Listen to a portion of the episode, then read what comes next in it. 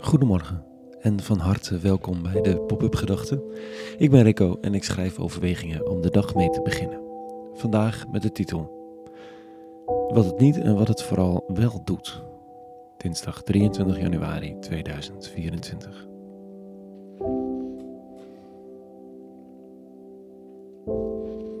In zijn boek Faith, Hope and Carnage schrijft een van de grootste artiesten van de wereld, denk ik toch wel, Nick Cave, over zijn geloof, over zijn godsdienst of religie. Hij noemt het vooral geen spiritualiteit, maar religie.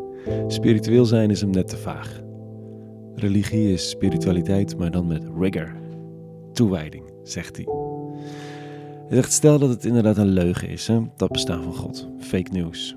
Dan zou dat op zichzelf nog steeds op een bepaalde manier irrelevant zijn. In feite, zegt hij, voelt het soms alsof het bestaan van God zelf een detail is, een feitje. Zo ongelooflijk rijk zijn de voordelen van een gelovig leven. De kerk binnenstappen, luisteren naar religieuze denkers, de Bijbel lezen, in stilte zitten, mediteren, bidden.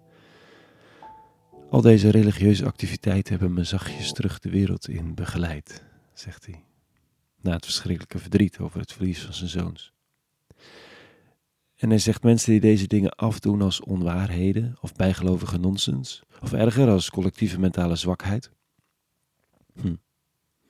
Die mensen zijn gemaakt uit steviger materiaal dan ik, zegt hij. Ik greep me aan alles vast dat ik te pakken kon krijgen. En ik laat dat nooit meer gaan. Wat doet religie, geloof, spiritualiteit? Wat doen de handelingen? Wat doet de veronderstelling, de gok of het idee, de overtuiging dat God bestaat? En dan niet zomaar een God, want je kunt je een God voorstellen en er waanzinnig bang voor zijn, omdat hij alleen maar dreigt met helle verdoemenis. Nee, specifiek, de God van Abraham, Isaac en Jacob. En als dat nergens aan raakt, dan gaat het misschien, zoals Nick Cave zegt, niet over die God, maar over de handelingen waarin je in kunt deelnemen die gericht zijn op die God.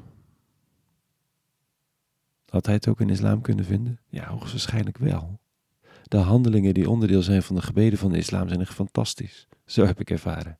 Het is echt heel helend om vijf keer per dag ritueel je hoofd op de vloer te leggen, lager dan je hart. Bijvoorbeeld. Het punt van, vandaag is ergens dat het werkt. Tenminste, tot op zekere hoogte. Een paar dagen geleden lazen we hier over het leger van Israël van heel vroeger. Er zijn misschien linkjes met vandaag, maar die laat ik even voor wat ze zijn. het leger van vroeger dat dreigt te verliezen. En dan halen twee luie, stelende priesters de ark van het verbond op. Het symbool van God en dragen het de legerplaats in. Dat geeft de burger moed, maar vervolgens worden ze verpletterend verslagen. En de ark wordt, jawel natuurlijk, buitgemaakt. Religie werkt misschien, maar niet zo. De ark is niet magisch, of als die magisch is, dan werkt het niet als oorlogsmachine. Dit is de tekst van de dag. Toen nu aan koning David bekend werd dat Yahweh het huis van Obed-Edom en alles wat van hem was zegende te willen van de ark van God. De ark was intussen terug op het eigen grondgebied en in het huis van Obed-Edom. En dat huis werd blijkbaar gezegend, dus trok David op en bracht op feestelijke wijze de ark van God uit het huis van Obed-Edom naar de Davidstad over. Nadat de dragers van Jahwe's ark zes schreden gezet hadden, slachtte hij een stier en een mestkalf. Geestdriftig danste David voor Yahweh uit, slechts met een linnen borstkleed omhangen. Dus de aanbidding werkt wel.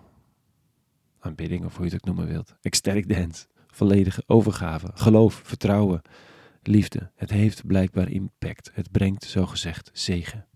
Nick Cave getuigt ervan en zo ook de oude teksten. En die oude teksten doen dat dus in prachtig contrast met wat niet werkt. Diezelfde magische kist het leger inhalen om je oorlog mee te winnen, werkt niet. Dan is de magie opeens verdwenen. Lekker. Wat is mijn geloof? Nou, een tool om me staande te houden in de wereld, met onderscheiden van de ander die niet gelooft, een identiteit uit te hakken voor mezelf als een schild. Nou, dan kun je alvast wel uittellen dat dit schild in wat voor strijd dan ook niet meer dan dunne pap zal zijn. Dat die identiteit je in die end niet beschermt tegen allerlei dingen waar je bang voor bent. Geloof is kwetsbaar. Religie is een bijzondere zoektocht en er is zegen te vinden, maar in overgave niet in zelfverdediging. David vouwde de vlag op en stak hem weg. Hij trok zijn uniform uit en hij danste in ondergoed, op blote voeten, in aanbidding. Als een Nick Cave, die het ook niet meer weet, maar in de achterste bank van de kerk aanschuift en in zijn bevende handen een zegen ontvangt, waar, waar hij weer even mee verder kan.